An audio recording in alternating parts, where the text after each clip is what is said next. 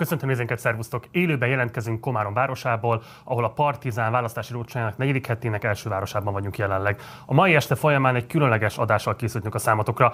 Kína nyilvánvalóan megkerülhetetlen geopolitikai szuperhatalom, és az orosz-ukrán háború kirobbanása óta folyamatosak a találgatások azzal kapcsolatban, hogy Xi és Putyin elnökök közötti politikai-gazdasági érdekkapcsolat milyen irányba terelheti a különböző érdekeket, milyen módon fog Kína, ha beavatkozik egyáltalán, beavatkozni ebbe az egész konfliktusba, fog-e állást foglalni, egyáltalán milyen módon fogja használni ezt a konfliktust arra, hogy érdekeit erősítse. Részben erről, részben pedig történeti kitekintésben Kína utóbbi évtizedeinek legfontosabb fejleményéről fogunk beszélgetni, ugyanis nagy örömünkre elfogadta meghívásunkat Salát Gergely, Kína szakértő, a Külügyi és Külgazdasági Intézet vezető kutatója. Ő következik most. Mielőtt azon bemutatnám, mindenképpen iratkozatok fel a csatornára, ha még nem tettétek volna meg, illetve ha lehetőségetek van, akkor kérlek, hogy fizessetek elő a Partizánra a Patreon felületünkön keresztül. Ennek a linkjét megtaláljátok a leírásban.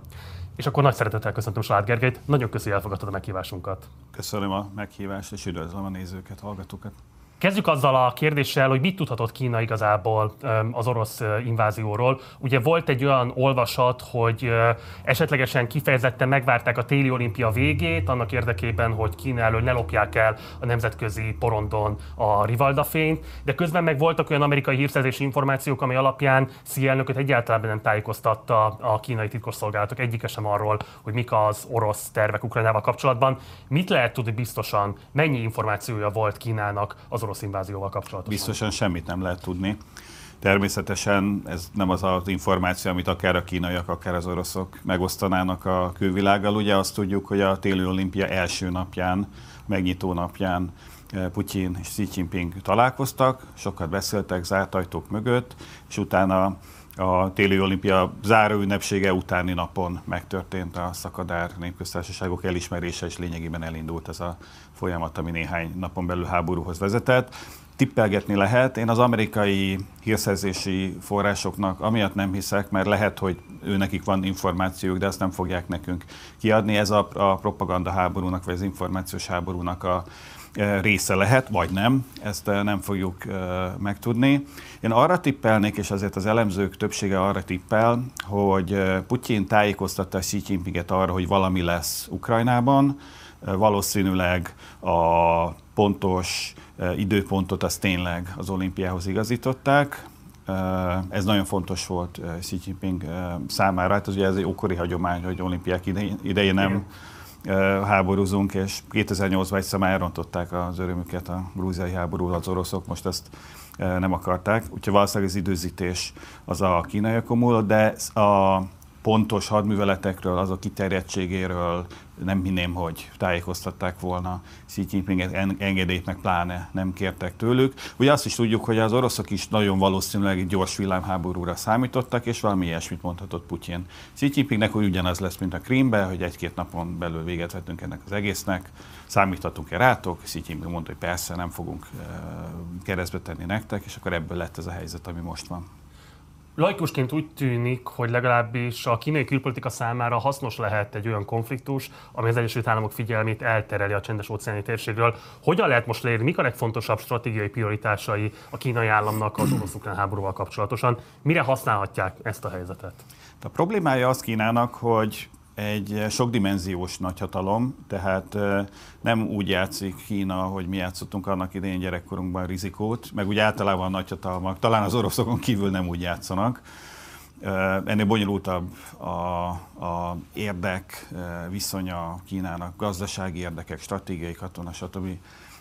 érdekei vannak. Alapvetően három érdeket lehet megkülönböztetni, amelyek egymásnak ellentmondanak. Az egyik, érdek vagy szempont, ami a kínaiakat vezérli, az az, hogy az oroszokkal való stratégiai partnerségüket megőrizzék. Egész egyszerűen az oroszokra szükségük van ebben a új hidegháborúban, vagy ebben a nyugat ellenes összefogásban, ami az elmúlt időkben kialakult, olyan offenzívát indított a nyugat az elmúlt években Kína ellen, kereskedelmi háború, technológiai blokkád, média kampányok, egyebek, hogy Kína érzi, hogy rajta van az amerikaiaknak a célkeresztje, és hát nem engedheti el Oroszországot csak azért, mert most ott rosszalkodik egy kicsit Ukrajnába.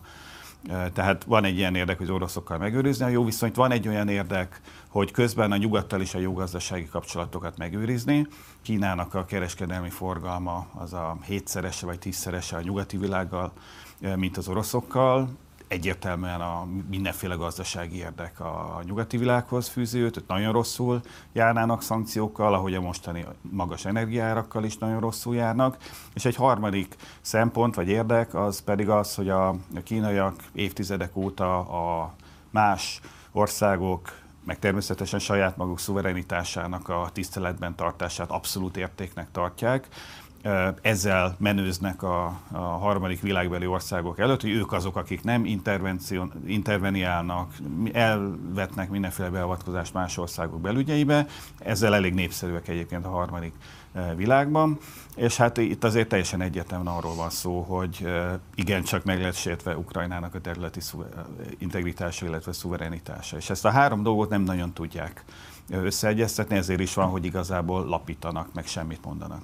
Ugye a nyugati nyilvánosságot is bejárt egy olyan elemzés, amelyet a kínai államtanács, ez az ottani Kormány. kormányzat, igen, egyik vezető szakpolitikai központjának a vezetője írt, ugye Huawei-ről van szó, amelyben igazából amellett érvelt, hogyha jól foglalom össze, de majd kérlek, hogy egészíts ki, hogy lassan valószínűleg le kéne kicsit szakadni Putyinról Kínának, tekintettel arra, hogy elszigetelheti ez a nemzetközi nyilvánosságban. Ezt aztán a különböző kínai social media felületekről leszették, de ez végül is egyébként nem egy disszidens elemzőnek a munkája. Mennyire élénk a vita Kínán belül erről a kérdésről, a te megítélésed szerint? Nyílt vita erről nem igen folyik, tehát egyáltalán az, hogy ez a cikk ez eljutatott a nyilvánosságról, ez, ez egy anomália a kínai rendszerről, hát ilyenek előfordulnak, de az egész biztos, hogy most éjjel-nappal ülnek az okos emberek Pekingben, és azon gondolkoznak, hogy mit csináljon Kína. Mert hát ugye igazából két dolgot tehet. Az egyik az, hogy így elengedi Oroszországot, akkor viszont Oroszországot a nyugat megroppanthatja, és eljelentéktelenedhet, vagy ott lehet, hogy évekre, évtizedekre lekötődik eh, Ukrajnában egy ilyen második Afganisztán jellegű eh, háborúban, gazdasága romokban, és akkor a következő a listán az Kína lesz, tehát egyedül marad. És ezért eh, a hosszú távú stratégia érdekel Kínának az, hogy Oroszország megmaradjon és erős maradjon, persze ne túl erős, a, a rövid, meg középtávú gazdasági érdeke viszont az, hogy a nyugattal a biznisz az menjen tovább, ez usual, hiszen a kínai cégeknek, kínai gazdaságnak óriási nyugati kapcsolatai vannak, a kínai export harmada az nyugatra irányul, ez, enélkül, nyugati kapcsolatok nélkül a, a kínai gazdaság az, az gyakorlatilag stagnálni kezdene nagy valószínűséggel. És hát ezt a, a stratégiai meg a gazdasági érdeket, ezeket összeegyeztetni, ezt nem nagyon lehet, és nyilván a kínai vezetésen belül is vannak érdekcsoportok, akik abból gazdagodtak meg, vagy ott vannak érdekeltségeik, hogy nyugattal bizniszeltek, befektettek, stb. azok nyilván ilyen galambok ebben az ügyben, a ilyen hardcore politikai, meg katonai elit, az, az meg nyilván héja ez ügyben, és ők inkább beállnának Putyin mögé, nem nyíltan, nem föltétlenül az asztalt verve, de hát ahogy az orosz elemzők fogalmaznak, ilyen stratégiai párnaként viselkednének Oroszország számára, hogy puhára essen. Nem szeretnék abban a helyzetbe kényszeríteni, hogy mini történelem órát tarts. Nekünk, de egy kicsit azért mégis hogyha így röviden össze kellene foglalni, hogy a 70-es évektől kezdődően, tehát az elmúlt 50 évben mik voltak a legfőbb stádiumai Peking és Moszkva közötti kapcsolatnak, akkor hogyan lehetne ezt összefoglalni? Egy nagyon picit visszamennék. A népköztársaság kikiáltása után a nyugati világ azonnal blokkád alá vonta pláne a korai háború kitörésekor Kínát, és ezért is, meg hát az ideológia azonosság miatt a Szovjetunióhoz fordult, 50-ben aláírtak egy kölcsönös segítségnyújtási, barátsági, stb. szerződést. 50-es években nagyon jó volt a kapcsolat, aztán az 50-es évek végén összevesztek, ez oda, odáig fajult, hogy 69-ben egy határháborút is vívtak egymással, és akkor így nagyon kevés választotta el a két kommunista óriást, hogy akár egy totális háborúba keveredjenek egymással. Ugye ez volt az, amit aztán a Kissingerék kihasználtak arra, hogy a kínaiakat így át a kínai kártyát kijátszák a Szovjetunió ellen, és innentől fogva fagyos maradt a viszony egészen a Szovjetunió összeomlásáig, hogy valamelyes javult, tehát 70-es, 80-as években a háború nem volt napirenden, de de nagyon hideg volt a viszony. 80-as évek legvégén kezdett enyhülni, de aztán a Szovjetunió véget ért, és aztán jött a 90-es évek, amikor a Szovjetunió összeomlott, és Oroszország meg rendkívül gyenge maradt. És azóta eltolódtak a viszonyok, tehát 90-ben nagyjából a kínai meg az orosz gazdaság az ugyanakkora volt, jelenleg tízszerese bizonyos számítások szerint a kínai gazdaság az orosznak, tehát a, a, az erőviszonyok megfordultak. Oroszország meg miután már nem nagyon volt stratégiai ellentéte Kínának ezért, a, és a, a kínaiak is mindenfele tájékozódtak, ezért a 90-es évektől elkezdtek közeledni egymáshoz. 2001-ben kötöttek egy újabb ilyen nagy 20 éves szerződést, amit tavaly meg is hosszabbítottak, ami arról szól, hogy ők nagyon-nagyon jó barátok, és a, azóta folyamatosan javulnak a kapcsolatok Putyin alatt. Az elmúlt tíz évben, különösen a Krím annektálása óta pedig nagyon felgyorsult az orosz-kínai közeledés, hiszen ez, ez az az időszak, amikor a nyugat hát egy ilyen egész pályás letámadást indított Kína ellen is, egyszerűen a felemelkedése miatt, meg Oroszország ellen is a Krím annektálása miatt, és hát a, a, a külső nyomás így összenyomta a feleket, a problémás kérdéseiket úgy tűnik, hogy félre tudták tenni, és elég jól együttműködnek. Kisebb történelmi léptében beszélünk azért a kínai-ukrán viszonyról is. Ugye a 2010-es évek elején lehetett azt látni, hogy Xi elnök előde, Hu Jintao kifejezetten szoros viszonyt ápolt az orosz barát Janukovicsal. Mennyiben változtatta meg ezt a viszonyt a Majdanon lezajlott tüntetés sorozat? Semennyire a kínaiakat nem érdekli, hogy más országban milyen politikai rendszer van, milyen politikai párt van Ennyire hatalmon. nem? Abszolút szélsőségesen pragmatikusok ez ügyben. Ez, ez is egy külpolitikai alap doktrina, hogy más országok belügyei nem szólnak bele, aki ott hatalmon van, azzal építenek kapcsolatot, és azzal próbálnak bizniszelni. Ez egy ilyen félreértés a nyugaton, hogy ők szeretnék a nem tudom, autokráciát, vagy nem tudom mit terjeszteni. Igazából őket egyáltalán nem érdekli, hogy demokratikus ez egy ország, vagy egy tömeggyilkos diktatúra. Ők bárkivel hajlandó bizniszelni. Ez a, a, a Majdan után is Ukrajnával is így történt. Jó politikai és gazdasági kapcsolataik voltak Ukrajnával a kínaiaknak. Nagyon fontos kukorica és árpa exportőr Kína fele Ukrajna. Ukrajnának Kína lett egyébként az elmúlt években a legnagyobb kereskedelmi partnere. Fordítva természetesen nem igaz, de, de azért jelentős gazdasági kapcsolatok jöttek köztük, politikai problémák meg egyáltalán nem voltak. Ez a semlegesség az is érdekes, amit mondasz, mert ha viszont jól tudom, 2013-ban kötetett egy megállapodás uh, Ukrajna és Orosz, uh, Kína között arra vonatkozóan, hogy Kína megvédeni Ukrajnát egy esetleges nukleáris támadás esetén. Ez akkoriban, amikor megkötették, hogyha jól mondom, különösebben nem tűnt egy jelentős lépésnek. Ugyanakkor most az orosz-ukrán háború ideje alatt nyilvánvalóan felértékelődik ennek a szerepe. Mekkora jelentőséget kellene megtulajdonítani? Hát én megnézem ennek az egyezménynek a szövegét, mert abban nagyjából biztos vagyok, hogy Kína ilyen jellegű katonai elköteleződés nem vállal sem senkivel szemben. Kínának egy harmadik doktrinája az az, hogy nem köt katonai szövetségeket, és nem megy bele olyan szövetségekbe, amelyek egy adott esetben kényszerpályára állítanák, csökkentenék a mozgásterét. Kínának nincsenek szövetségesei. Egyetlen egy olyan ország van, akivel konkrét katonai szövetséget kötött, egy nagyon speciális történelmi helyzetben Észak-Koreával. Szerintem egy picit már azt is bánják, meg nem biztos, hogy ez egy 60-as évekbeli szerződés, nem biztos, hogy most is megkötnék ezt, de egyébként még a, a, amúgy szoros szövetségesnek gondolt, még Pakisztánnal vagy Iránnal sincs ilyen jellegű szövetségük, és biztos vagyok benne, hogy, hogy Ukrajnánál sem vállaltak ilyesmit. Beszéljünk kicsit a kínai rezsim belső működéséről, azt gondolom, hogy ez az a kérdéskör, amiről egész biztosan felületes ismereteink lehetnek, csak úgyhogy kérlek, hogy erről kicsit bővebben is beszélj majd. Ugye jelenleg azt lehet látni, hogy van egy beomló kínai tőzsdékről szóló híradás, lehet látni azt, hogy van egy ingatlanpiaci lufi is, van egy tekipari lufi is, és hát most vagyunk túl igazából a koronavírus válságon is, ami ráadásul most újra berobbanni látszik Kínában. Összességében hogy lehet elkép- hogy kell elképzelni igazából a magyar nézőknek, ki és milyen döntéseket tudhat hozni a kínai gazdaság vonatkozásában? Én ezeket a, a lufikat, amiket említettél, én, én nem nagyon tudom komolyan venni. Tehát amióta az eszemet tudom, és Kínával foglalkozom, mindig van valamilyen lufi, amit a nyugati e, sajtó felfúj, hogy rossz szóvicet mondjak. Tehát vannak persze negatív jelenségek a kínai gazdaságban, de van egy tehát igény is van rá, hogy legyenek ilyen problémák, és van egyfajta ilyen wishful thinking, tehát ilyen vágyvezérelt gondolkodás a nyugati sajtó meg politikusok részéről, hogy persze rengeteg probléma van Kínában, de nem biztos, hogy meghatározóak, viszont mi hajlamosak vagyunk ezeket Aha. felnagyítani, meg hát Kína máshogy, gond, máshogy működik, mint mi. Tehát egész egyszerűen elmegy az ember a piacra a Kínába, vesz egy paradicsomot, úgy hívják, hogy paradicsom, meg úgy is néz ki, de más íze van. Most egy olyan bonyolult dolognál, mint tőzsde, még nagyobb különbségek vannak, tehát egy kínai tőzsde az tök más, mint a nem tudom, New Yorki eh, tőzsde, vagy a kínai ingatlanpiac, az teljesen más, mint az amerikai, vagy a magyar, vagy az európai ingatlanpiac. Eh,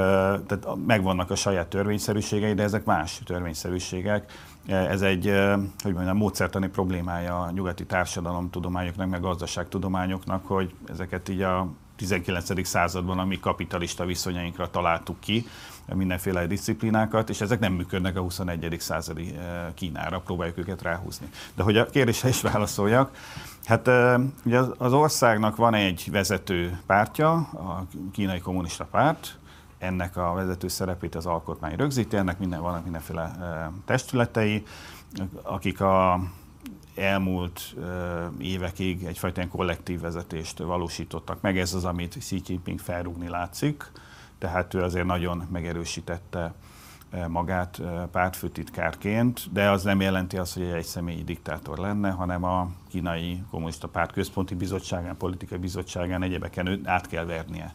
Ezért az akaratát, és hát ez a, párt trónol egy iszonyatosan sokszínű, pesgő, izgőmozgó és hatalmas ország felett. Nem mondanám, hogy vaskézzel irányítja.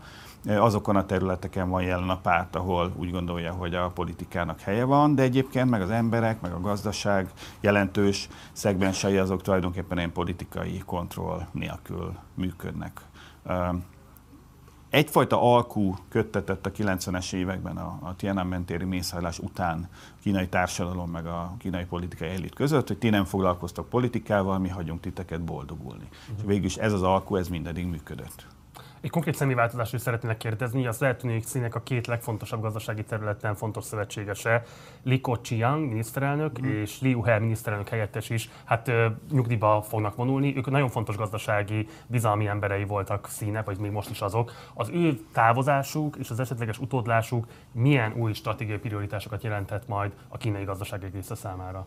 Hát a, a Li Keqiang miniszterelnökben nem vagyok biztos, hogy ő nagyon jóba volt Xi jinping tehát ők elég máshonnan jöttek. Picit az volt az embernek az érzése, hogy amikor eh, megválasztották mindkettőjüket 2012-13-ban, akkor különböző frakciók úgy egyeztek ki, hogy akkor mi adjuk a pártfőtitkárt, ti adjátok a miniszterelnököt, aztán a pártfőtitkár bedarálta maga alá a miniszterelnököt, ez a, ezt a bizonyos líkötyángot, és most el is megy uh, nyugdíjba. Úgy tűnik, hogy elfogadta ezt a másolagos uh, szerepet, tehát végig kiszolgálta Xi Jinpinget, nem hinném, hogy neki volt különösebb arcéle.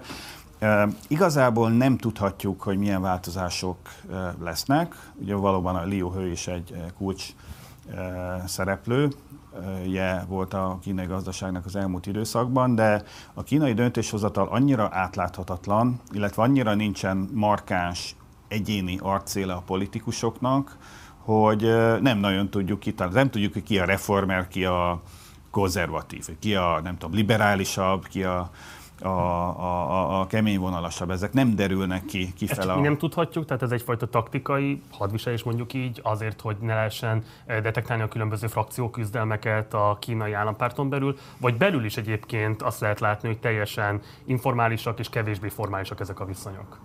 Hát ők azért valószínűleg tudják, hogy ki a főnök, meg ki kivel van, hát ennek alapján eh, folytatják a hatalmi eh, harcaikat, meg a kiegyezéseiket, meg a, a vitáikat, de már említett Tiananmen téri események után, tehát 89 után megszületett az a felismerés a kínai kommunista pártban, hogy életveszélyes a belső hatalmi harcokat nyilvánosság elé tárni. Tehát 89-es eseményekhez részben az vezetett, hogy nem volt egység a párton belül, össze-vissza beszéltek a különböző vezetők, ezen fölbátorodtak a tüntetők, aztán az lett, ami lett. megpucsolt az egyik frakció a másikat, ugye, akkori pártfőtitkár élete végig házi őrizetbe került, tehát szép dolgok történtek itt a párton belül is, nem csak az utcákon. És a, a tanulság, amit levontak, az az volt, hogy az egységnek a látszatát azt mindig meg kell őrizni, és soha nem szabad, hogy kívülről látszódjon, hogy valaki eh, pontosan mit gondol, meg milyen harcok folynak, milyen eh, alkuk köttetnek, mindig a végeredményt mutatják be egy ilyen ünnepélyes pártkongresszuson, vagy országos népi gyűlés ülésen. Igen, a, a, kremlinológiának a klasszikus módszereivel tippelgethetünk, hogy ki az, aki nincsen rajta a fényképen, hogy hány lépés távolságra van az XY elvtárs a fő elvtárstól, hogy ki az, aki nem tudom, rajta van az elnöki gépen, nincsen, vagy nincsen rajta, hogy ilyenek, ilyenekből találgathatunk, de igazából nem, nem nagyon tudjuk, hogy ezek az emberek egyénileg eh, mit gondolnak, és ezért nem tudjuk azt, hogyha mondjuk Liu hiányozni eh, fog, akkor változik-e egyáltalán bármi. Azt se tudjuk, hogy amit eddig Liu mondott, meg Li Kötyánk mondott, meg csinált, az az ő személyes döntése vagy álláspontja volt, vagy pedig ő képviselt egy kollektív döntést. Idén ünnepeleti majd a hatalomnak a tizedik évfordulóját Szia elnök, és sokan korszakhatárnak tekintik az ő elnökségét. Mik a legfontosabb ismérvei ennek a tíz évnek, amit ő a hatalom csúcsán töltött el?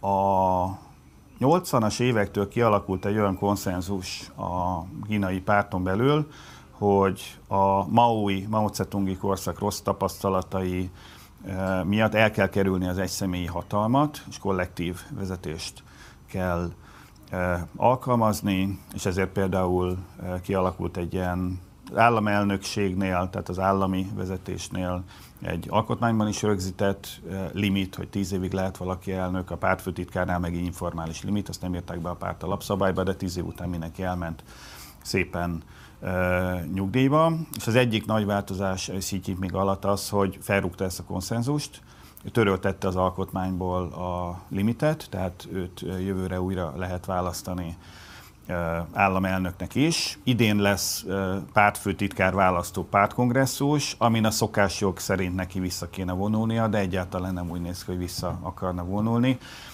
Úgyhogy úgy tűnik, hogy ő hatalmon marad, és hát olyan szervezeti struktúrális változásokat is eh, végrehajtott a vezetésben, amiben nagyon megerősítette a pártfőtitkári pozíciót. Ez az egyik fejlemény a csúcson. A másik fontos fejlemény az a párt hatalmának a visszaállítása.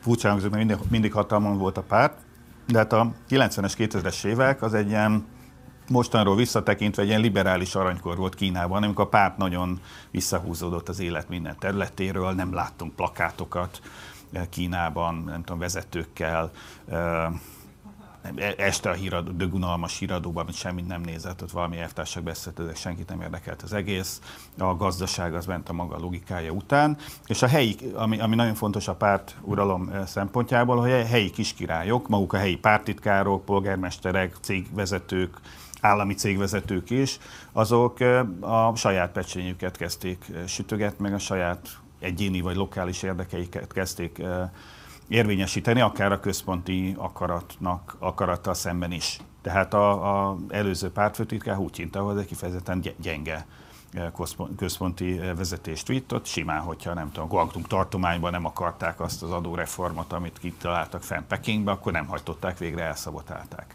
És Xi Jinping alatt visszafordult ez a folyamat, tehát elkezdték visszaépíteni a pártnak a, a centrális, hát egy demokratikus centralizmus alapelven való működését, illetve a párt kontrollját a társadalom felett, és megjelent újra az ideológia, Xi Jinping plakátok vannak, némi személyi e, kultusz van, nem is némi, hanem elég, elég e, durva személyi kultusza van, illetve hát a, a, a pártnak a vezető szerepét meg erősítették, ahol egyetemeken, cégeknél, magáncégeknél, nem tudom, pártsejteket alapítottak, és tehát, hogy, hogy elindult a, hogy mondjam, tehát a 80-as, 90-es években egy picit is szétszaladtak a lovak, mindenki ilyen elindult egy ilyen decentralizáció irányába Kína, és most a Xi Jinping érának a legfontosabb folyamata az a, a, a centralizáció, illetve a párthatalomnak a visszaállítása.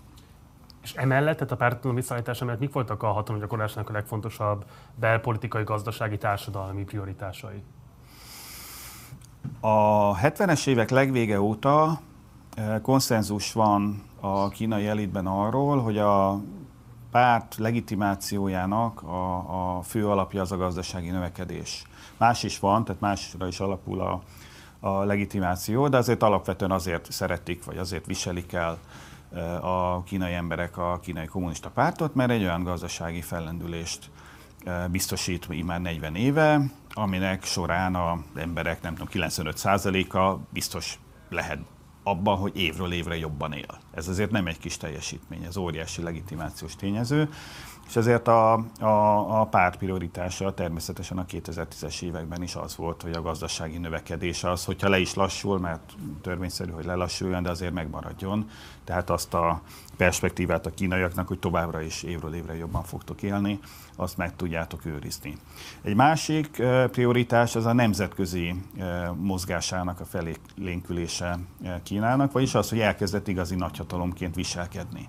Ez nem Xi Jinpingnek az egyéni nőnökéje, egész egyszerűen akkorára növekedett Kína, hogy már nem tud nem nagyhatalom lenni. Xi Jinping viszont beleállt a dologba, és elmondta gyakorlatilag, hogy Kína most már nagyhatalom, század közepére már vezetőhatalom lesz, és mindenkinek tessék szépen tiszteletben tartani a Kína érdekeit, meg Kína nagyhatalmi törekvéseit. Ez is tehát egy, egy, egy prioritásá vált, és sokkal aktívabb, úgy mondják, hogy asszertívabb vagy néha agresszívabb külpolitikát folytat. Persze a nemzetközi helyzet is megváltozott.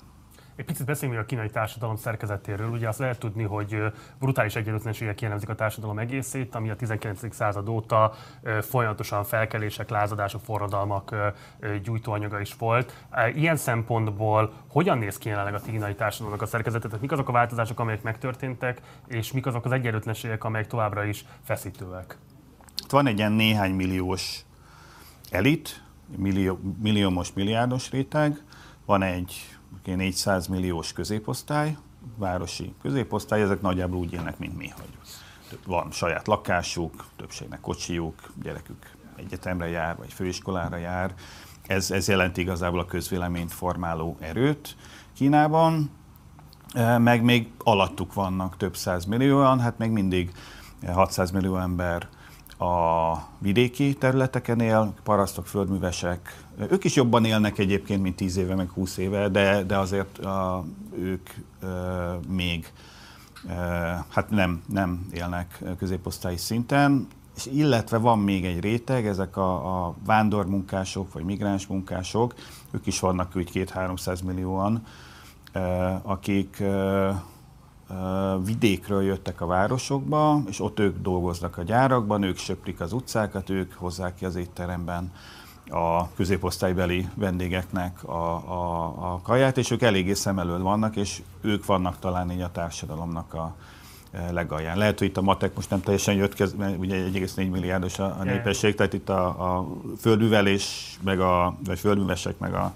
migráns munkások között azért van egy átfedés, hiszen itt ugyanaz arról a mobil rétegről van szó, viszont um, tehát aki rosszul él, az is uh, egy olyan perspektívával rendelkezik, hogy azért egy picit pénzt félre tudok tenni, majd tíz év múlva jobban fogok élni, vagy hogyha én nem, akkor legalább a gyerekem. És ez egy, ugye nyugaton mind, mind azt hiszük, hogy ez olyan, mint a Szovjetunió 80-as években, hogy recseg, ropog és egy elangott, elangott kommunista diktatúra, de hogy ennél jobb, vagy sok szempont, vagy bizonyos szempont meg rosszabb a helyzet, mert nem. Ez egy pesgő, dinamikusan növekedő, rendkívül optimista ország, ahol egyébként a kormányzatnak a támogatottsága az mindenféle felmérés szerint, nem, nem csak kínai felmérések, hanem nyugati cégek is működnek Kínában, a világon a legmagasabbak közé tartozik. Tehát arra a kérdésre, hogy alapvetően jó irányba mennek-e a dolgok az országodban, arra a kérdésre, akinek többsége igennel válaszol.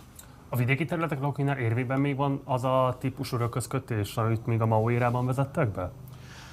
Uh, Hát jogilag még érvényben van, viszont miután éppen az fűtötte a gazdasági növekedést, hogy ezek a A mezőgazdaságban igazából már feleslegessé vált parasztok bejönnek a városokba, és ott olcsón összeszerelő munkát végeznek, ugye erre épült a kínai gazdasági modell ezért, ezért a, a hatóságok is szemet hunytak e felett. Tehát ez a 300 milliós migráns munkás tömeg, ez részben illegálisan tartózkodik tulajdonképpen a városokban, nem kéne ott lenniük, a törvények szerint ott vannak, és persze nem teszik ki őket, mert hát akkor kivezetni a taxikat, meg ki söpörni fel az utcákat. Viszont ezen a fronton vannak jelentős változások, és ez még egy e, harmadik prioritás a Xi Jinping éra alatt, hogy a, a társadalmi különbségeket már a kommunista párt is elviselhetetlennek tartja, és ezért elég nagy ilyen mély szegénység felszámolási programok zajlottak az elmúlt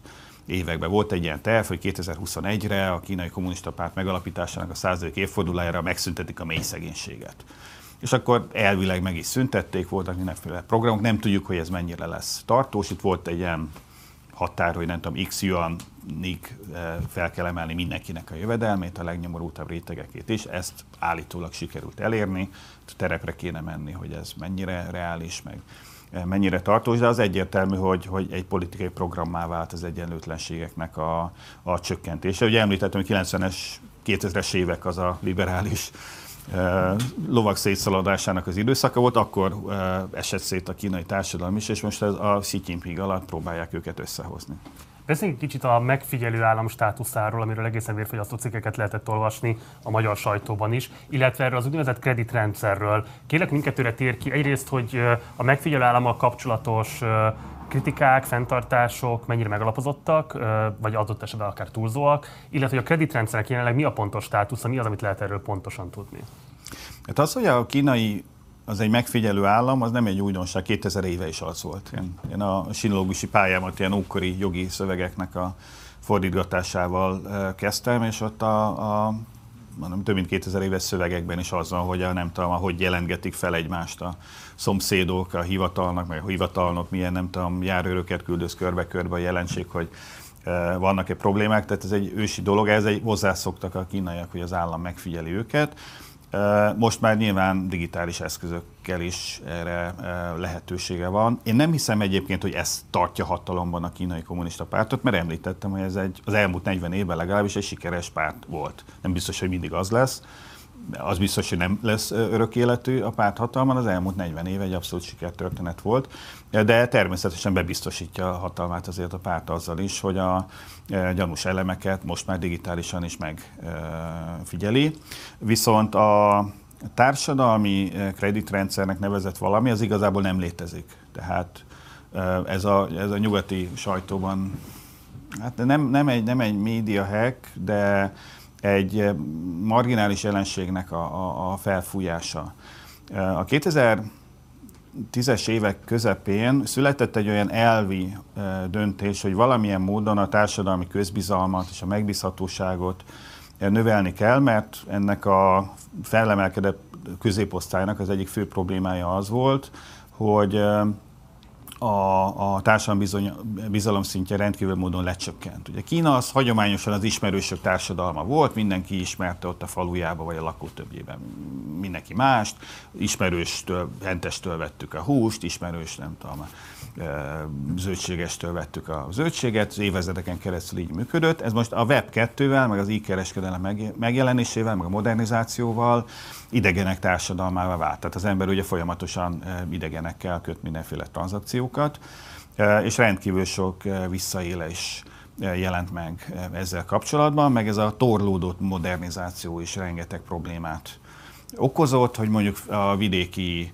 műveletlen, írástudatlan paraszt felül a, a, a high-tech gyorsvasútra, és nem tudja, hogy mi az a helyjegy, ezért leül valahova, akinek más szól a jegye, és nem tudom, amikor el akarják ültetni, akkor verekedni kezd. Rengeteg ilyen probléma volt, tehát egy csomó szabályt nem tartottak be, csomó visszaélés volt, és erre kitalálta a, az államtanács, hogy valamiféle ilyen ilyen értékelési rendszert be kéne vezetni, hogy arra felett terelgessék a polgárokat, hogy betartsák a, a, szabályokat.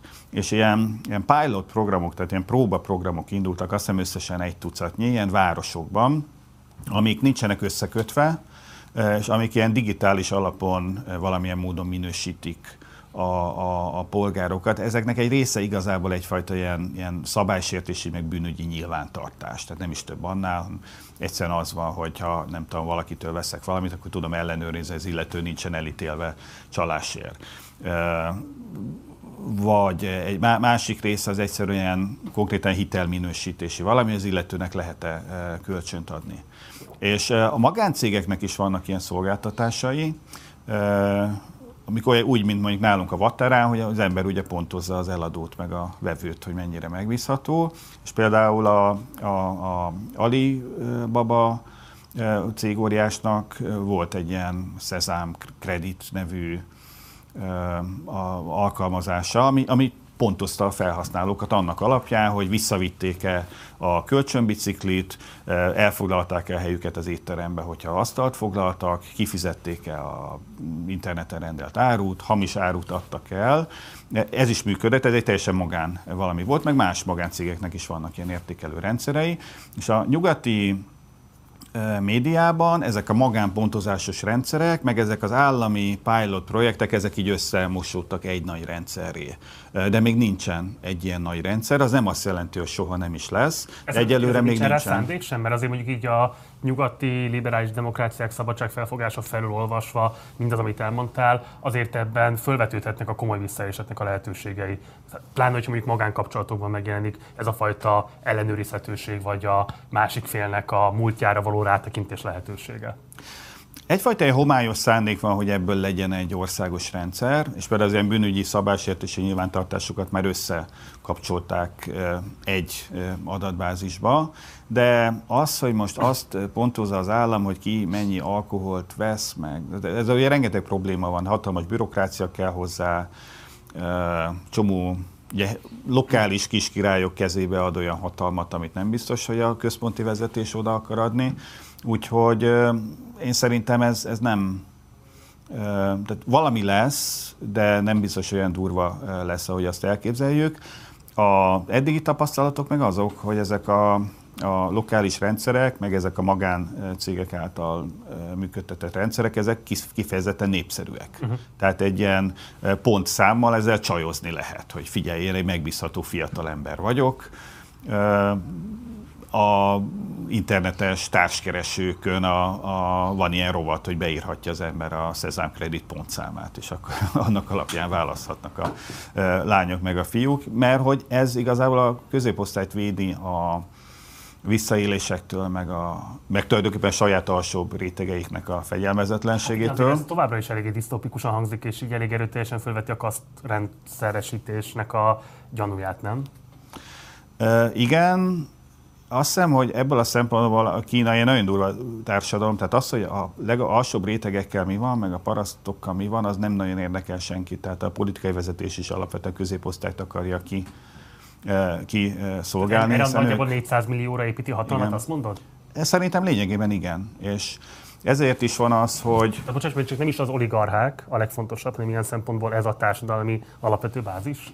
Abszolút, igen, igen. Ugye oligarchákból nincsen olyan sok, aki van, azt bármikor föl, föl, föl, főbe lehet lőni, tehát az, vagy el lehet tüntetni, mint a Jack Ma. Szóval ezzel eh, nincsen probléma, hát a tömegtámogat, tehát közvéleményt az igazából a, a polgárság jelent, és ugye a, mondjuk a dél vagy a tap, tajvani tapasztalat az az, hogy amikor a, a városi polgárság eljutott egy bizonyos szintre, akkor ezek kiharcolták maguknak a politikai demokratizációt is 80-as években nagyjából. És ez a kínai vezetés számára egy fontos tanulság, hogy hogy nem szabad engedni, hogy a középosztálya szembeforduljon a vezetéssel, és erre tulajdonképpen egy, egyfajta módszer, hogy a párt védi meg a városi középosztályt attól, hogy a, a parasztok azok kapával, kaszával feljöjjenek a városba.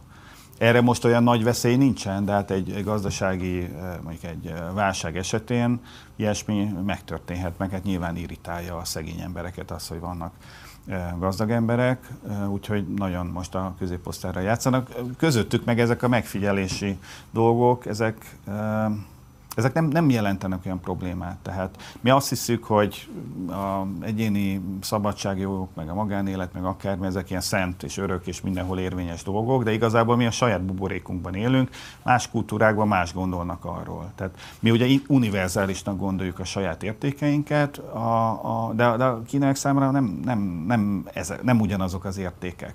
Hogyha kéne írni egy listát arról, hogy szerintünk mi Kínában a tíz legfontosabb probléma, és megkérdezünk, nem tudom, tízezer vagy tíz millió kínait, hogy szerintük mi, akkor valószínűleg a két lista között nem lesz átverés, talán a környezetszennyezés kivételével. Ugye a nemzetközi sajtóban is viszonylag jól dokumentált volt az internáló táborrendszer, amelybe az ujgur kisebbség tagjait zárták, ez főként ugye az északnyugati Xinjiang tartományban volt. A kérdés az, hogy a nemzetközi tiltakozások hatására lehet-e arra számítani, hogy az a brutális elnyomás, ami az ujgurokat éri a kínai rezsim részéről, hogy ez valamilyen módon enyhülni fog? Hát a nemzetközi nyomásgyakorlás hatására biztos nem. Tehát ha, ha valami nem működik, az, az Kínában az a külső nyomásgyakorlás, mert uh, hiperérzékenyek uh, erre, és ráadásul... Akár kontraproduktívan is hathat? Abszolút igen, igen, igen, igen. Úgyhogy uh, sok értelme ezeknek nincsen. Akár van, akkor van-e bármilyen más motiváló erő, ami hathat a kínai vezetésre? Hát nyilván a saját közvéleményének a, a nyomása lenne, de az meg nem nyomja abba az irányba, hogy ezeket az intézkedéseket enyhítse, mert a többség az nem is tud róluk, tehát a, a kínai szintjángi munkatáboroknak a léte az nem, az nem ismert, nem közismert Kínában. Aki meg tud róluk, az inkább helyesli őket, mert hogy a ujgurok az elég problémás kisebbség, 2000-es, 2010-es években több terrorcselekmény kötődött ujgurokhoz, és igazából ez egy ilyen legitimációs eszköz a párt részéről, hogy na, keményen oda csapunk az újguroknak. És hát a Kínában a kollektív felelősségnek is van egy pár ezer éves hagyománya, ennek is ugye a régi ókori eh, iratokban bőven e, találtam nyomát, tehát azzal ők nem nagyon foglalkoznak, hogy de hát nem, a, nem mind a 10 millió újgur terrorista, mert úgy vannak vele, hogyha az újgur közösség kitermelt magából 100 terroristát, akkor lehet, hogy mind a 10 milliót meg kell büntetni, vagy át kell nevelni. Ez a típusú kollektív bűnösség elve érvényesül az újgurokkal szemben a kínai többség felől? Jogilag nem, tehát jogilag azért Kínában nincsen kollektív bűnösség, de azért a gondolkodásban ez, ez, ez tetten érhető, ha egyáltalán tudnak erről. Ez persze megváltozhat. Volt, volt néhány olyan terrorcselekmény a 2010-es évek elején főleg, ami sokkolta a kínai társadalmat. Erről mi nem tudunk, mert nyilván a magyar sajtót vagy a nyugati sajtót nem nagyon érdekli, hogy nem tudom, elkezdenek embereket mészárolni valami dél-kínai pályaudvaron, de volt ilyen, és ez Kínában sokkot váltott ki, és egész egyszerűen elvárták a kormányzattól, hogy védje meg a kínai embereket a terroristáktól. Hát a kormányzat a maga Bumfordi kommunista módján kitalálta, hogy akkor átneveljük őket. Ezek egyébként nem igazán büntető táborok, hanem ilyen átnevelő táborok, ahol persze büntetés ott lenni, meg nem, egyáltalán nem kellemesek, meg kényszermunkát is végeznek, de itt ezeknek nem az a célja, hogy megöljék a újgorokat, hanem hogy, hogy beléjük verjék a kínai identitást. Ez mennyire párhuzamos az etnikai han nacionalizmus erősödésével? Ez abszolút, abszolút párhuzamos. Egyébként a, a, a han, úgynevezett nagy han sovinizmust, azt még a kínai alkotmány is tiltja.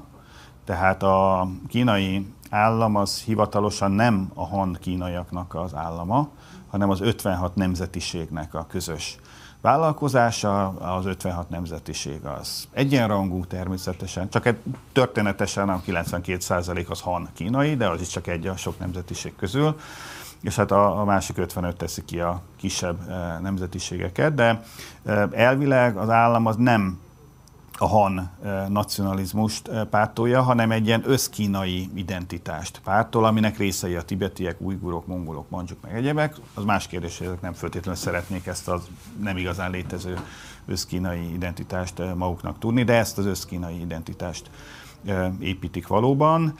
Ez egy picit a Xi Jinping alatt megváltozott, tehát tényleg elkezdték elhanosítani, elkínaiasítani valamelyest a kisebbségeket durvább módon is. Hát korábban is azért persze meg kellett tanulniuk kínaiul, hogyha boldogulni akartak a kínai társadalomban, meg nyilván nem gyakorolhatták szabadon vallásukat, tibetiek, egyebek, de, de, de hogy, hogy most, de hogy egyfajta skanzenként, ilyen exotikumként eddig igyekeztek megőrizni a, a nemzetiségeknek a lokális helyi identitását, miközben azért próbálták beléjük verni ezt az összkínai identitást. Ez a, a, az első törekvés, hogy azért maradjanak meg ilyen üde szintfoltként a nagy Han tengerbe, ez mint hogyha gyengülne. Van jelenleg más típusú etnikai elnyomás a han többség irányából a többi államalkotó kisebbség irányába? A mongoloknál merült fel még olyan probléma, hogy a, a be, ugye belső Mongóliában él, több, több mongol él, mint magában Mongóliába. Itt az anyanyelvi oktatást erőt teljesen lekorlátozták, és eddig úgy volt, hogy a tantárgyakat is tanulhatnak mongolul, és ezt lecsökkentették, hogy csak nyelvként tanulhatják a mongolt a gyerekek az iskolába, a tantárgyakat azt kínaiul kell tanulni. A, a tibeti meg az ujguron kívül a többi nemzetiség igazából nem problémás, mert azok nagyon picik, nincsen önálló, többségnek nincsen önálló állami hagyománya, és főleg a legkisebbek azok remekül megélnek a turizmusból, hogy mennek oda a hankínai turisták, és akkor örülnek a nem tudom, táj locsoló ünnepnek, és nem tudom, viccesnek találják, hogy fröcsködik egymást a tájok, meg ilyen furcsa népszokásaik vannak, ebből ők remekül megélnek, tehát ő nekik ezzel nincsen baj. Náluk ugye eleve azért a, a kínai egy gazdaságilag mindenképpen egy fejlettebb civilizáció volt, tehát ők nem járnak rosszul a, ahhoz, azzal, hogy Kínával tartoznak. Itt a nagy nemzetiségek, tibetiek, ujgurok, a problémások valamelyest a mongolok, és bár azért közöttük jelentős szeparatista mozgalom nincsen. A beszélgetés elején említettük már a koronavírus omikron variánsának a berobbanását, ami most ugye Hongkongban, illetve az ország egyes más részein is tapasztalható. Ez ugye föl fogja szerintem majd vetni azt a kérdést, hogy az a típusú nagyon szigorú lockdown politika, amit alkalmaztak, az mennyiben bizonyult helytállóbbnak a nyugati típusú vakcina fókuszú, relatíve lazább korlátozásokkal szemben, zárójel, ami engem alapvetően érdekelne, hogyha az Omikron ténylegesen berobban, és, vagy belobban, és sokkal szélesebb körben terjed el az országon belül, az kikezdheti-e az autoritását, vagy bármilyen más módon a hatalmát a jelenlegi rezsimnek? Hát éppen emiatt uh, tartják fenn a zero covid uh, politikát, amiben egy picit beszorultak. Tehát az elejétől fogva annyira mondták, hogy már pedig Kínában nem lehet jelen a vírus, hogy az akkor is kénytelenek fenntartani, főleg az őszi pártkongresszusig, hogyha igazából irracionális. Tehát azért nem lehet az egész társadalmat elzárni, főleg az Omikron variánstól. Az ország be van zárkozva két éve, tehát nem utazhatnak külföldre, külföldiek iszonyú nehezen juthatnak be, így azért hosszú távon nem lehet élni, de annyira rá tette a vagy annyira prioritásává vált, hogy mi aztán nagyon jól megoldjuk ezt a Covid problémát, zero Covid, zero toleranciával, hogy, hogy ezen most nem tudnak politikai okokból változtatni. Én azt nem hinném, hogy ez azért kikezdeni a, a pártnak a legitimitását, hogyha mégis rászabadulna. Előbb-utóbb, én azt gondolom, nem, nem, nem, nyilván nem vagyok járvány szakértő, de azt hiszem, hogy minden társadalomra rá kell szabadítani valamennyire ezt a e, vírust, mert nem lehet bezárva e, élni, és hát meg fognak halni emberek, e, nálunk is meghaltak. Hogy Kínában mi történne, vagy hogy lehetne fokozatosan megoldani, ezt azért nehéz megmondani, hiszen itt egy olyan halálozási arány, ami Magyarországon volt, vagy Amerikában volt, az Kínában nagyon sok millió halottat Igen. jelentene, viszont ugye abból a szempontból előnyük van, hogy a populáció nagy része be van oltva, tehát magas az átoltottság. Tehát ugye nálunk már egy csomó áldozatot szedett a járvány, amikor elkezdtünk oltani. Náluk előbb oltottak, mint hogy a Wuhani kezdeteket leszámítva komolyabb eh, kitörések eh, lettek volna. Hátrányok viszont, hogy nem biztos, hogy a kínai vakcinák a legjobbak a világon, hogy tartósan hatnak, erről ugye magyar Igen. adatok is voltak, hogy nem igazán, illetve, hogy természetes immunizáció nem történt a lakosságban. Tehát rajtunk biztos, hogy már ötször átment az összes létező variáns, tehát a, a, mi, akik túléltük, mi már vakcinák által is, meg természetesen is védettek vagyunk, hogy egy ilyen hata, egy 1,4 milliárdos populáció, aki kínai vakcinával van oltva, és nincsen természetes immunizálás, ez milyen módon e, reagálna a járványra, azt, e, az, az, az, az, az, az nem tudhatjuk, de én nem hinném, hogy ebből e, ugye mindig azt hiszük, hogy a Kína egy ilyen agyaglábon álló kolosszus, vagy egy hatalmas lufi, ami csak arra vár, hogy eldőjön, vagy kipukadjon, de, de elképesztő ellenálló képessége van. Tehát, ha meghal 10 millió ember, meghal 10 millió ember, nem bizt, abban nem fog be, belebukni a kommunista párt. Ha már ezt az ellenálló képességet említetted, mennyire sikerült javítani a, azt a globális arcvesztést, amit az elmúlt két évben a koronavírus összefüggésben kellett elszenvednie? Hát a tapasztalatok, illetve a felmérések azt mutatják, hogy nem nagyon e, sikerült. Próbálkoztak vele? Tehát akár bármi nemzetközi kampány, nem tudom, bármi más típusú PR tevékenység? Hát ugye próbálkoztak ilyen maszk diplomáciával, de azt is olyan féloldalasan, meg ügyetlenül csinálták, hogy inkább visszafelesült el utána a vakcina diplomáciával. Egyébként a harmadik világbeli országokban nem annyira rossz a megítélés a Kínának, mint a nyugati világban, tehát itt is azért egy buborékban vagyunk, és nem biztos, hogy nem tudom, Zimbabvébe, vagy Kongóba, vagy Csillénben ugyanazt gondolják a kínaiakról mi. Globálisan az biztos, hogy esett a kínaiaknak a elismertsége, népszerűsége de ugye sok vakcinát szállítottak ide-oda. Elején ilyen orvosi segítséggel, maszkok, egyebek szállításával is próbálkoztak, ez, ez, ez inkább visszafele sült el. Aztán egy picit, mintha elengedték volna ezt a, a imás javítás dolgot. Annyira befele fordult az ország az elmúlt két évben. Hát Xi Jinping aztán két éve nem járt 2019. december óta, vagy november óta nem járt külföldön. Hát, nem lehet diplomáciát csinálni. A magyarországi kínai követség elvtársait én két éve nem láttam. Mindig voltak fogadások, sajtótáj, nem, sajtótájékoztatók nem, de jövettelek vacsorák, vendégelőadások, egyebek, bezárkóztak a Vencúr utcai követségbe, legalábbis én ezt látom, és nyilván az egész világon ezt csinálják, tehát egy másodlagossá vált, nem prioritás volt az elmúlt két évben a, a Kína soft power-ének a, a növelése.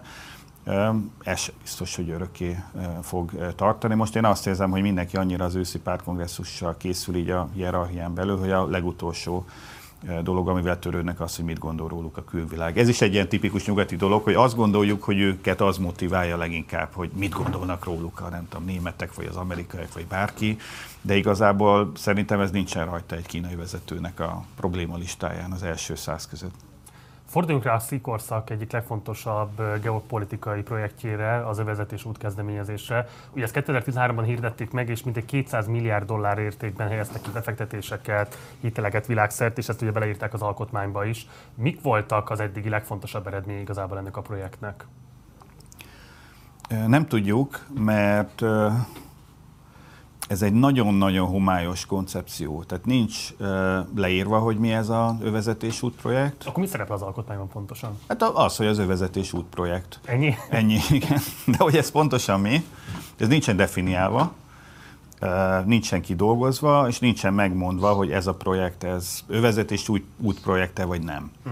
Uh, uh, egyfajta ilyen homályos, direkt egyébként, és, és van benne ráció, hogy miért nem, mert ezért nem, mert nem lehet számon kérni, hogy sikeres-e vagy nem. Uh-huh. Tehát, hogyha így uh, kitűzték volna konkrét célul, hogy nem tudom, ennek az autópályának most el kell érnie, nem tudom, Csángsától Párizsig, és nem ér el odáig, akkor, akkor az kudarc. De hogy ilyen, ilyen konkrét célokat nem fogalmaztak meg. Ezért nem célokat ki lehet azért következtetni? Tehát a befolyásszerzés növelése fontosabb, vagy Kína nemzetközi megítélésének a polírozása, adott esetben a diplomáciai kapcsolatok erősítése. Tehát, hogy a elmúlt, nem tudom, kilenc évben mi rajzolódik ki leginkább? Persze, intenciók azok vannak, az egyik a kínai gazdaság túlkapacitásainak a lekötése. Tehát annyi ilyen építőipari vállalat, meg nehézipari, meg egyéb vállalat fejlődött fel Kínában, hogy azoknak már otthon nincs munka. Tehát már mindenhol van gyorsasút, meg akármi, a gyorsasút építő cégeknek munka kell, otthon már alig van munka, ezért elkezdtek kifele terjeszkedni, és mindenféle más szférában is túlkapacitásokkal küzdenek, tehát az egyik az egy egyszerűen gazdasági megfontolás. Ezt ki lehet mondani, hogy ez egy jelen hegemoniális projekt, valamilyen módon az Egyesült Államok hegemóniát kikezdendő, vagy legalábbis ellensúlyozandó? Hmm, inkább azt mondanám, hogy egy olyan világot, vagy pontosabban inkább olyan Eurázsiát akarnak kiépíteni, ahol minden út Pekingbe vezet. Szó szerint is, meg persze az átvitt értelemben is. Tehát a kulcsszava ennek a vezetés útprojektnek az a, az összeköttetés, a konnektivitás, hogy, legy, hogy átjárható legyen a kontinens, áruk, emberek, eszmék, egyik irányba inkább annyira nem, de, de hogy, hogy, hogy összekössék Kínát a, a külvilággal, és természetesen egy olyan hálózatot létrehozva, amiben Kína a csomópont. És természetesen ennek egy másodlagos következménye az az, hogy az amerikai hegemóniát itt kikezdik, bár egyébként pont azokon a területeken mennek igazából a projektek, ahol amerikai hegemónia nincs, tehát Dél-Kelet-Ázsia bizonyos országaiban, Pakisztánban, illetve Közép-Ázsiában. De tehát inkább egy, egy olyan, olyan világban gondolkodik eh, szerintem Kína, ahol hát a, azok az országok, akik így össze vannak vele kötve, egyfajta ilyen aszimmetrikus függőségben vannak eh, Kínától. Tehát ez befolyást jelent, nem ilyen hard befolyást, hogy nem oda megy a kínai népi felszabadító hadsereg és felszabadítja, nem tudom, kazahokat, vagy a irániakat, vagy a pakisztániakat, hanem hogy ők mondják meg, hogy merre épülnek a vasútvonalak, az ő áruik mennek a eh, vasútvonalon jobbra-balra, és a, ezek a gazdaságok hát ilyen aszimmetrikus módon jobban kötődnek majd a kínaihoz. És ez persze politikai befolyást is jelent.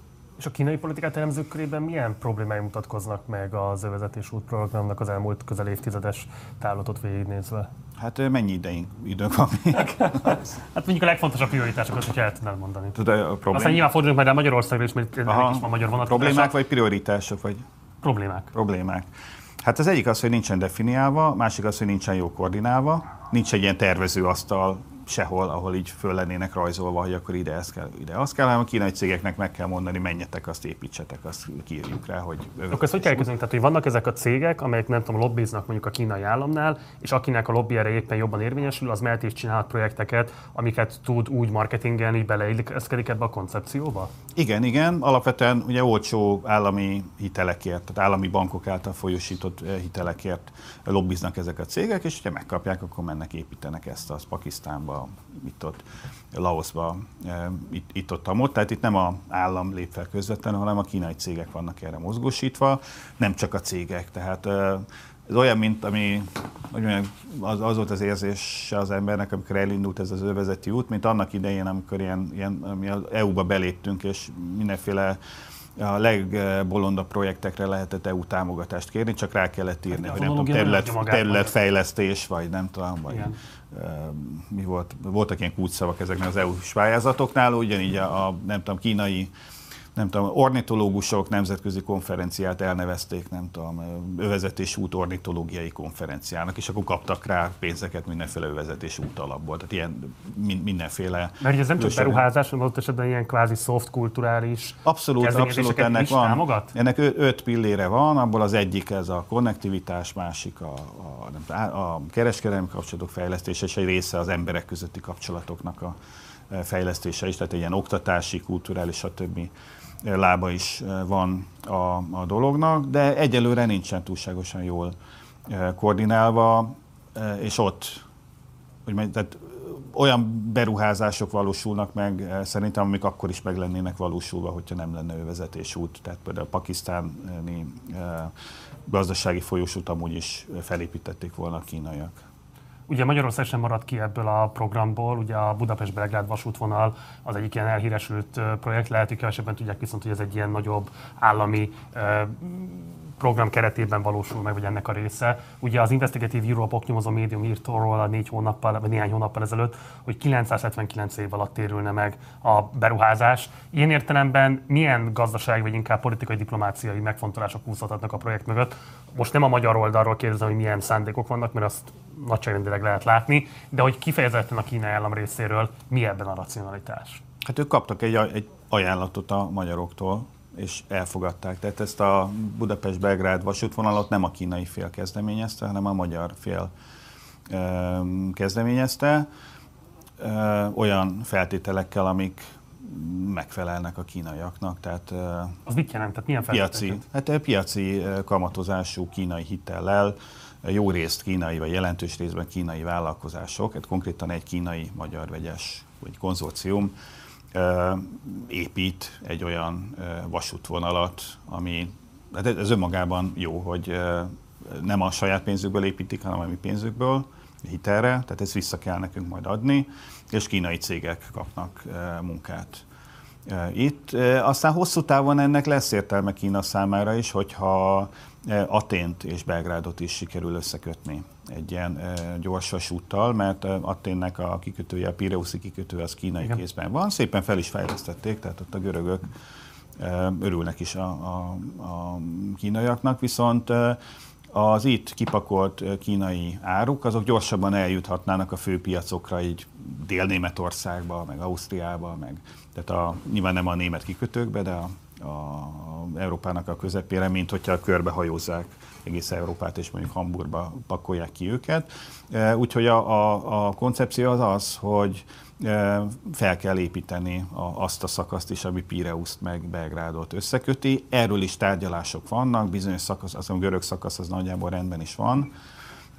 Úgyhogy ez majd így illeszkedni fog a kínaiaknak a koncepciójába, de önmagában az, hogy Belgrádból Budapestre megy egy vasútvonal a kínaiak számára nem túlságosan érdekes. Annyit hozzátennék, hogy ezek a számítások, ezek általában azon alapulnak, a Ugye a figyelőnek volt még korábban egy ilyen számítás, hogy 3000 év alatt térül meg, most ezt most lecsökkentették 900 évre, hogy most nagyon minimális a, a forgalom. Most is van Budapest-Belgrád vasútvonal, ezen egészen minimális a forgalom, és egészen katasztrofális az állapot, és, hogy, és a jelenlegi forgalmat szokták felszorozni. Tehát azt, és úgy számolnak vele, hogy a jelenlegi forgalom mellett hány év alatt térülne meg a vállalkozás, de hogyha az Atén eh, Belgrád is elkészül, akkor ezért valószínűleg nagyobb lesz a forgalom, tehát ez lehet, hogy lehet, már gyorsabbra. is megtérül akár. Az is lehet, de hát egyébként uh, itt nem a, a, a magyar uh, kormányzatot akarom védeni, de hát mondjuk a, nem tudom, a, a kiskunhalas közvilágítása mikor térül meg, vagy a, egy csomó vasútvonal mikor térül meg. Azt szerintem önmagában nem baj, hogyha Magyarországnak van egy értelmezhető összeköttetése a Balkánnal, 8 órába telik két szó eljutni Belgrádba. Teljesen nevetséges, hogy csak a nagy magyar alföldön kell átmenni. Egyáltalán nem lenne, magában az nem probléma, hogyha ez a probléma megoldódik. Az, hogy ez mennyibe kerül, tehát itt az áron érdemes vitatkozni, vagy azt, azt lehet bírálni. Ugye az Orbán kormány 2010 óta folyamatosan igyekezett növelni a nemzetközi mozgásterét azzal, hogy megpróbált új forrásokból is működőtőkét bevonzani. Ebben a tekintetben sikerült-e érdemben növelni a kínai gazdaság befolyását, vagy a kínai forrásokat bevonni a magyar gazdaság működésébe? Most rövid lesz a válaszom, nem. Uh-huh. Tehát érdemben nem. Akkor ez csak egy retorikai fordulat? Igen, és nem is vagyok benne biztos, hogy ez egy alapvető cél volt. Természetesen jött ide kínai vállalkozás bőven, de messze elmaradt a várakozásoktól, és az igazán nagy beruházások azok még az előző kormányzat idején jöttek ide, vagy lett aláírva a szerződés, ide fognak jönni, itt a Huawei-re, meg a Wanhua-ra gondolok. Azóta nem tudom, egy elektromos busz összeszerelő üzemecske épült pont itt Komáromban, akkor sem még inkább adja magát a kérdés, hogy akkor miért ez a hangos Kína barátság a kormányzat részéről, és pláne miért vállal olyan diplomáciai kockázatokat, hogy számos Kínát elítélő nyilatkozatot vétóz meg uniós szinten. Hát egy, egyrészt, ahogy mondtad, hogy ezzel valószínűleg a nemzetközi mozgásterét próbálja eh, javítani a kormány. Tehát, eh, hogyha sikeresen... Alapú, akkor ezt kimondhatjuk? Hm? Ez vágyvezérelt alapú? Hát a, a, a gazdasági kapcsolatunknak a, fejlődése az igen. Pontosabban nem, amikor megkérdették, nem lehetett tudni, hogy nem fog ide eh, jelentős kínai tőke jönni, mert a koreai tőke például jött. Itt Komárom tele van koreai éttermekkel, mert ugye van egy csomó gyár, meg egy csomó koreai, kínai tőke történetesen nem jött. Ez, tehát például a koreai ága a keleti nyitásnak, ez kifejezetten egy sikertörténet, a kínai az nem. De Kínának szerintem a politikai szerepe fontosabb, hogy a Brüsszelbe lehet mondani, hogy nekünk van egy nagy tesónk, úgy hívják, hogy Kína, és hogyha ti nem adtok pénzt, akkor majd ők adnak, majd hozzájuk fogunk fordulni, és, és hogyha ezt így elég határozottan mondja az ember, és a partnereink nem látnak bele a kapcsolatok tényleges mélységébe, akkor még akár hatékony is lehet, úgyhogy én, én szerintem ezzel a saját inkább európai mozgásterét próbálja az Orbán, Orbán kormány növelni. Másrészt pedig a magyar kormányzatnak a, a mozgásánál mindig érdemes figyelni a, a német szála. Tehát ugye Magyarország Németországnak egy ilyen gazdasági, hát nem, hogyha azt mondom, hogy gyarmat, akkor megsértődnek a, a, a nézők, de hát ezért alapvetően a németeknek vagyunk kiszolgáltatva, és hogyha megnézzük, ez alapvetően Magyarország úgy mozog, ahogy a németek szívük szerint mozognának. Uh-huh. És el tudom képzelni, ez persze csak tippelés, hogy időnként nekünk van kiszervezve a rossz fiú szerep, hogy mondjuk ne szülessen egy egyöntetű, uh-huh. elfogadó, el, ilyen elítélő álláspont kínai ügyekben.